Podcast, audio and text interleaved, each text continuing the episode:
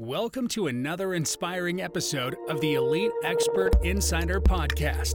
Hosts Melanie Johnson and Jen Foster are the owners of Elite Online Publishing. They're both Wall Street Journal, USA Today best-selling authors. We're really glad you're here because this podcast was designed for you. Meet industry experts that share their secrets and strategies. Get successful results for your business in money, relationships, health, and your life. Each episode is going to inspire you to take action towards reaching your greatness. Hi, everyone. It's Melanie Johnson. Thanks for joining us today for another great podcast. I've got Jen Foster, the co-owner of Elite Online Publishing, my business partner. Hey, Jen, how you doing? I'm doing great. It's a wonderful day today. It's always a wonderful day when we have our podcast. We're here to inspire you, motivate you, and educate you on things. And today we're going to focus more on sales and a thing called CRM. And if you don't know what a CRM is, it can really help your business and keep you organized. And we have the co-founder of SalesFlare with us today, Jeroen Cohort. Cohort. No, I said it wrong again. Say it for Court, me, Jeroen. Corthout. Corthout. See, I was going to get it. Anyways, we're going to go deep into sales, how to organize your sales, how to keep track of your sales, and who knows where we're going to end up, where our conversations take us to a variety of different places. So let's get started. Thanks for coming today. Yeah, happy to be here. Tell us, Jeroen, how you got started in this and how you became the co-founder of SalesFlare. Could be a long story, but I'll keep it short. Basically, I was working in another software company and we went to a conference and we had a lot of leads. And those were not leads that we're going to buy right away. We had to do some follow up. And I think there were like a hundred something leads, 110 or so. So it was quite a lot of people to keep track of, relatively long follow up. And we had to organize ourselves well. And we tried different CRM systems, like customer relationship management systems. And there's a lot out there. I think at the moment, like 800 or so. Back then, 200, 300. And we found none that really helped us follow up. That's what they all said they would do. But we basically, maybe we failed. Uh, we didn't manage to use the systems uh, correctly. And that was probably mainly because the systems came with a lot of uh, work, very high expectations on the amount of data input we would do. Basically, if we would, if we wanted to follow up, we had to fill the system out diligently. Every single thing we did, we had to put in there. Every little piece of mm-hmm. data we found, everything had to be in there. And if we did that, it would work. But we didn't have that amount of discipline and it didn't work. So we started dreaming about a system that actually basically would take over that work for us, that would automate all that little data aggregation, get it from all the different places where the data already was, because your emails are in your inbox and there's email signatures in that. There's people you're in touch with there's stuff in your calendar, there's things in your phone, there's things in social media, things in company database and email tracking, you, you name it. We dreamt of a system that would unite that all and just make it work for you so you can base yourself on it to follow up. And that was the start of SalesFlare. It has grown from there, but that was our spark, let's say. Wow. So tell people, so a CRM really tell ex- exactly what a CRM is and why we need to have one for our company or anybody's company to make your life easier and how it grows sales by having it. Yeah, so very conceptually, a CRM is about customer relationship management, so managing customer relationships. What that means for your business depends on what sort of business you're. We were in B2B sales, selling software. If you're in B2B sales, it's mostly about following up leads, in a better way, keeping track very well. If you have an e-commerce business it means something totally different. It's usually about keeping track of what people bought and where they got stuck in the sales process and trying to create repeat sales and, and make sure they empty out their shopping cart and stuff like that. If you're in real estate it's really about something else yet again. It's about connecting people to properties. So it, depending on the business you're in it's a different thing. We focus on b2b sales and there it's really about that follow-up making sure that you remember very well what you've discussed with whom and what time, when you need to follow up, what the next step is in the process, so that you can guide them all the way from them like having their issue to you solving it for them and getting paid. That's what's it all about for us. Awesome. And I've been right where you were talking about before, where you think you've got a really good CRM and then you realize you have thousands of hours to put into it to put all the data into it. And then you still got to create the emails and create it's a lot of work so i love that you have an automated system tell us how you can make sales or how it can keep track of your sales. Yeah, so it's, it plugs into your very centrally is the mailbox. Like the number one, let's say, channel our customers use to communicate with their customers is email. The second one is LinkedIn, and the third is phone. That's, I think, pretty representative of B2B businesses nowadays. And our system plugs into these different systems and make sure that everything is tracked. And there's a really, because these systems are, it's all digital nowadays, there's so much information in there. For instance, in emails, if we email with each other, then in the email header, there's your name, Jen. Uh, there's your email address. If you send me an email with a signature, there's maybe your phone number, your position. Your also our system can go out find your LinkedIn profile because it knows your name and where you work. So it can find your LinkedIn profile, add that as well. It can, obviously, the emails are in there. And if I email you back, there's going to be tracking in it. So I see when you open, uh, when mm-hmm. you click on things. And that is linked to tracking on the website. So I see what stuff you're clicking on. So I add, add meetings to that, add calls to that, and a, and a bunch of other things. The whole process, all of the interactions you're having, which define the relationship in the end. It's all tracked for you. And then the system also actively helps you to follow up in a better way because it knows all these things. Where normally the bottleneck, the information is not in the CRM, the information is now in the CRM. And then a lot of other things are possible. When you have data, you can do like amazing stuff with it. Yeah.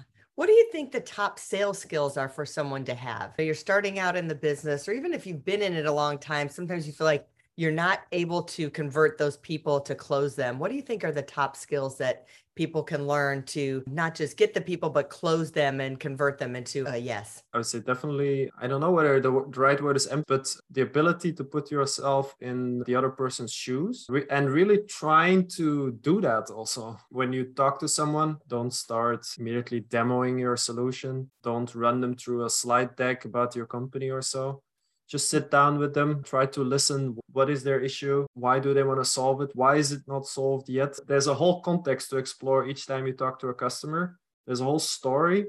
And if you know that story very well then you also are in the best place to, to basically take them on a journey to solving it. I think that is probably the most important skill as a salesperson. It's not really in these closing skills or so proper organization is probably the next thing. Being mm-hmm. able to then not just like sometimes uh, salespeople come in and they are these people that really uh, make you open up and tell you, make you tell your story, and everything seems great and they're gonna solve it, and then they disappear. also, don't be that person. That's probably skill number two. Know when to follow up. Organize yourself so that you follow up at the right times, so that you don't forget about customers, that you don't disappoint them. I think if you get these two things together, that's already a big part of what it takes to be successful.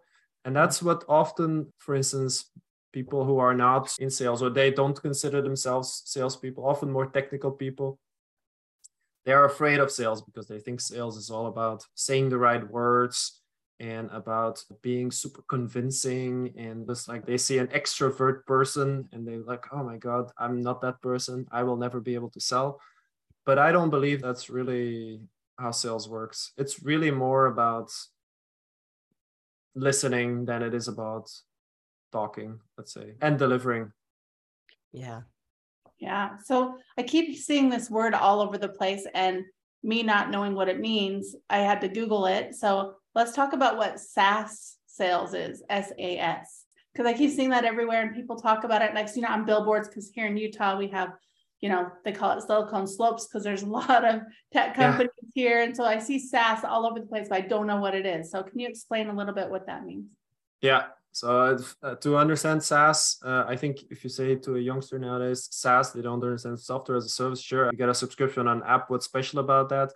You need to go a bit back in time to when software didn't work like that. Let's say 20 years ago. Well, we don't have to go that far, but people would basically buy no, before that, you needed software. You would get a company to build it for you, and you would pay that company for building software. Mm-hmm. Then some companies starting building products. They said, we're not going to build the same thing or variations of the same thing for different companies. We're going to make one product and we're going to sell that to Mm-hmm. multiple people. And they basically had this sort of product that often they would still deliver some services around and they would install it here, install it there, and they would get paid for that. Often it was like a big fee and then a maintenance fee afterwards. And then at some points, when the internet came along, there was this opportunity to actually not install that software in different places anymore, but to install it on a central server and say, the software is here. You can access it there. You can pay for it on a monthly or yearly basis. There's no big fee upfront and then small ones afterwards. It's always the same price. And you, it's basically delivered to you as a service, software as a service. That's what SaaS stands for. And that's, I think, the main way software is consumed nowadays. It's mainly in your browser. Usually SaaS software is in your browser. It's uh, it's centrally administered. You, yeah, you pay for it on a subscription, uh, which includes most things, including support and everything, mostly. And you, in most cases, you cancel whenever you want. Yeah. Uh, not always. There's companies that deviate from that, but That makes sense because, like back in the day, you would get Adobe or Microsoft Word and you just pay one time and you'd have it on multiple computers. But now it's a subscription service. You pay monthly or you pay yearly, Yeah. and you get service and support. that is a good example. Actually, Adobe uh, still has this kind of software that you install on your computer. They try to move into a SaaS model, but it's not really SaaS in the sense that they sell you a subscription now, uh, Adobe something, Yeah. uh, uh, on a monthly basis. But now, I think last week they bought Figma, and Figma was this really big competitor of theirs. They bought it for tens of billions. It was the one of the biggest tech acquisitions ever, and that was because they actually were competing with them with a pure SaaS model, and it was eating away on Adobe's business. So they just had to buy it because Adobe itself could not really make that step. Makes sense. Wow.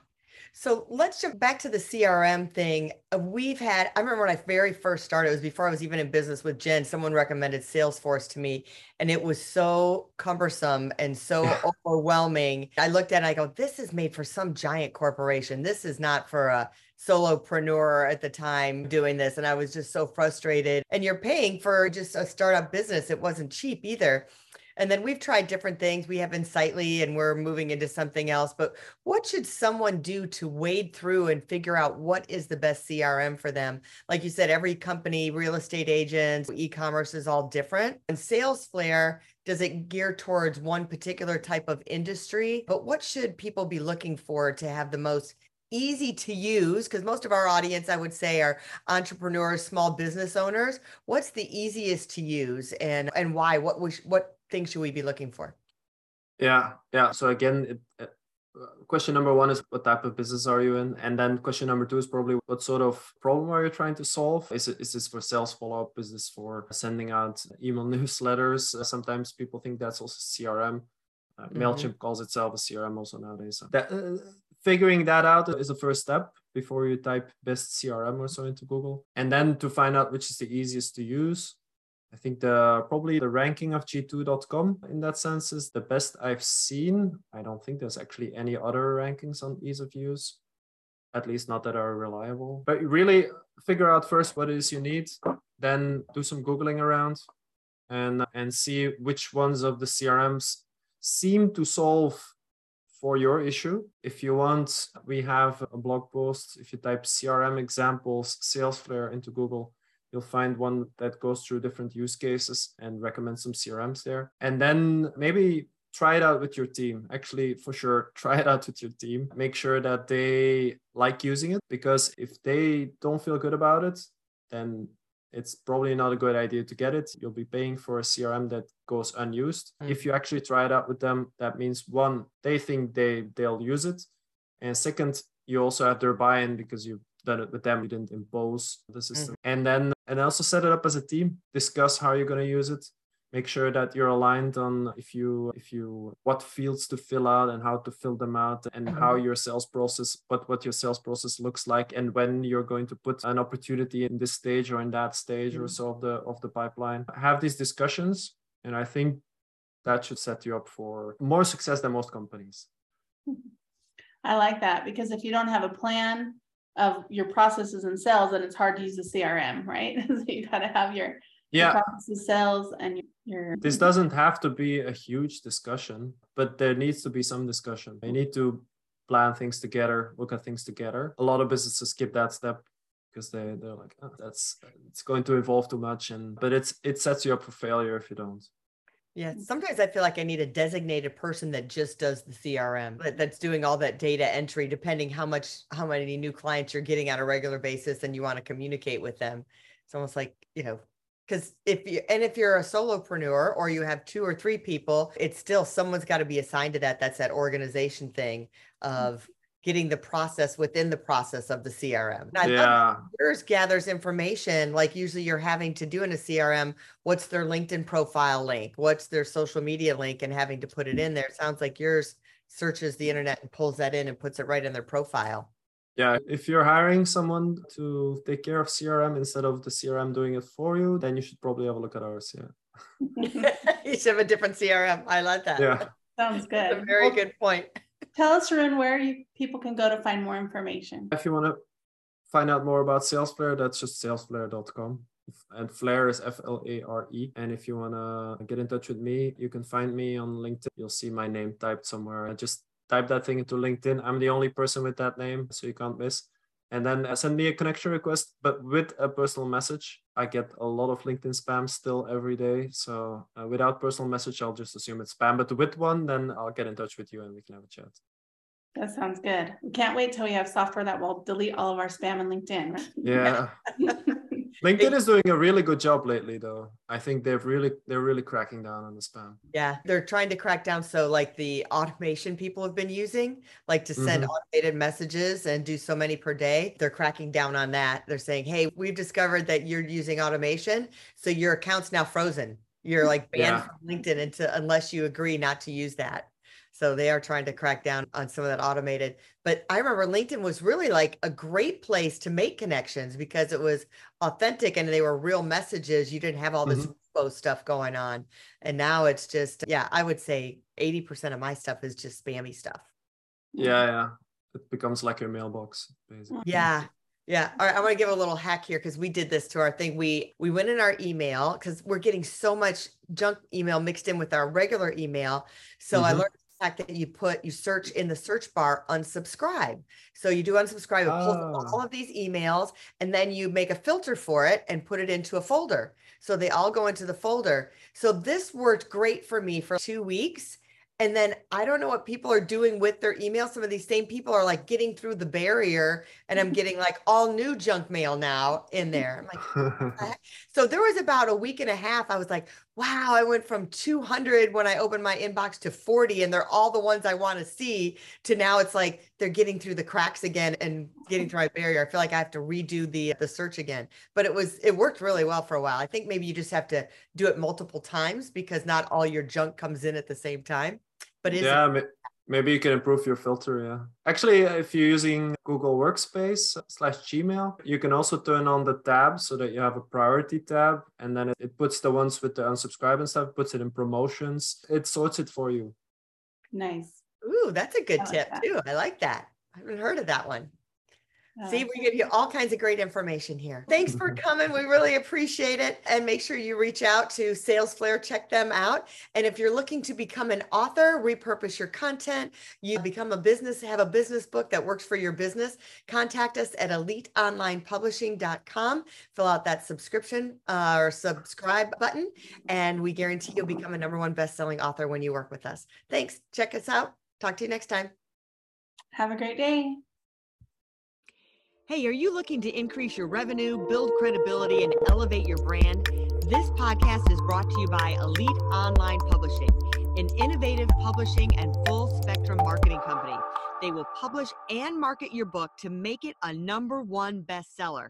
Becoming an author is the best way to market your business. So contact them at eliteonlinepublishing.com today. All of their authors become number one bestsellers.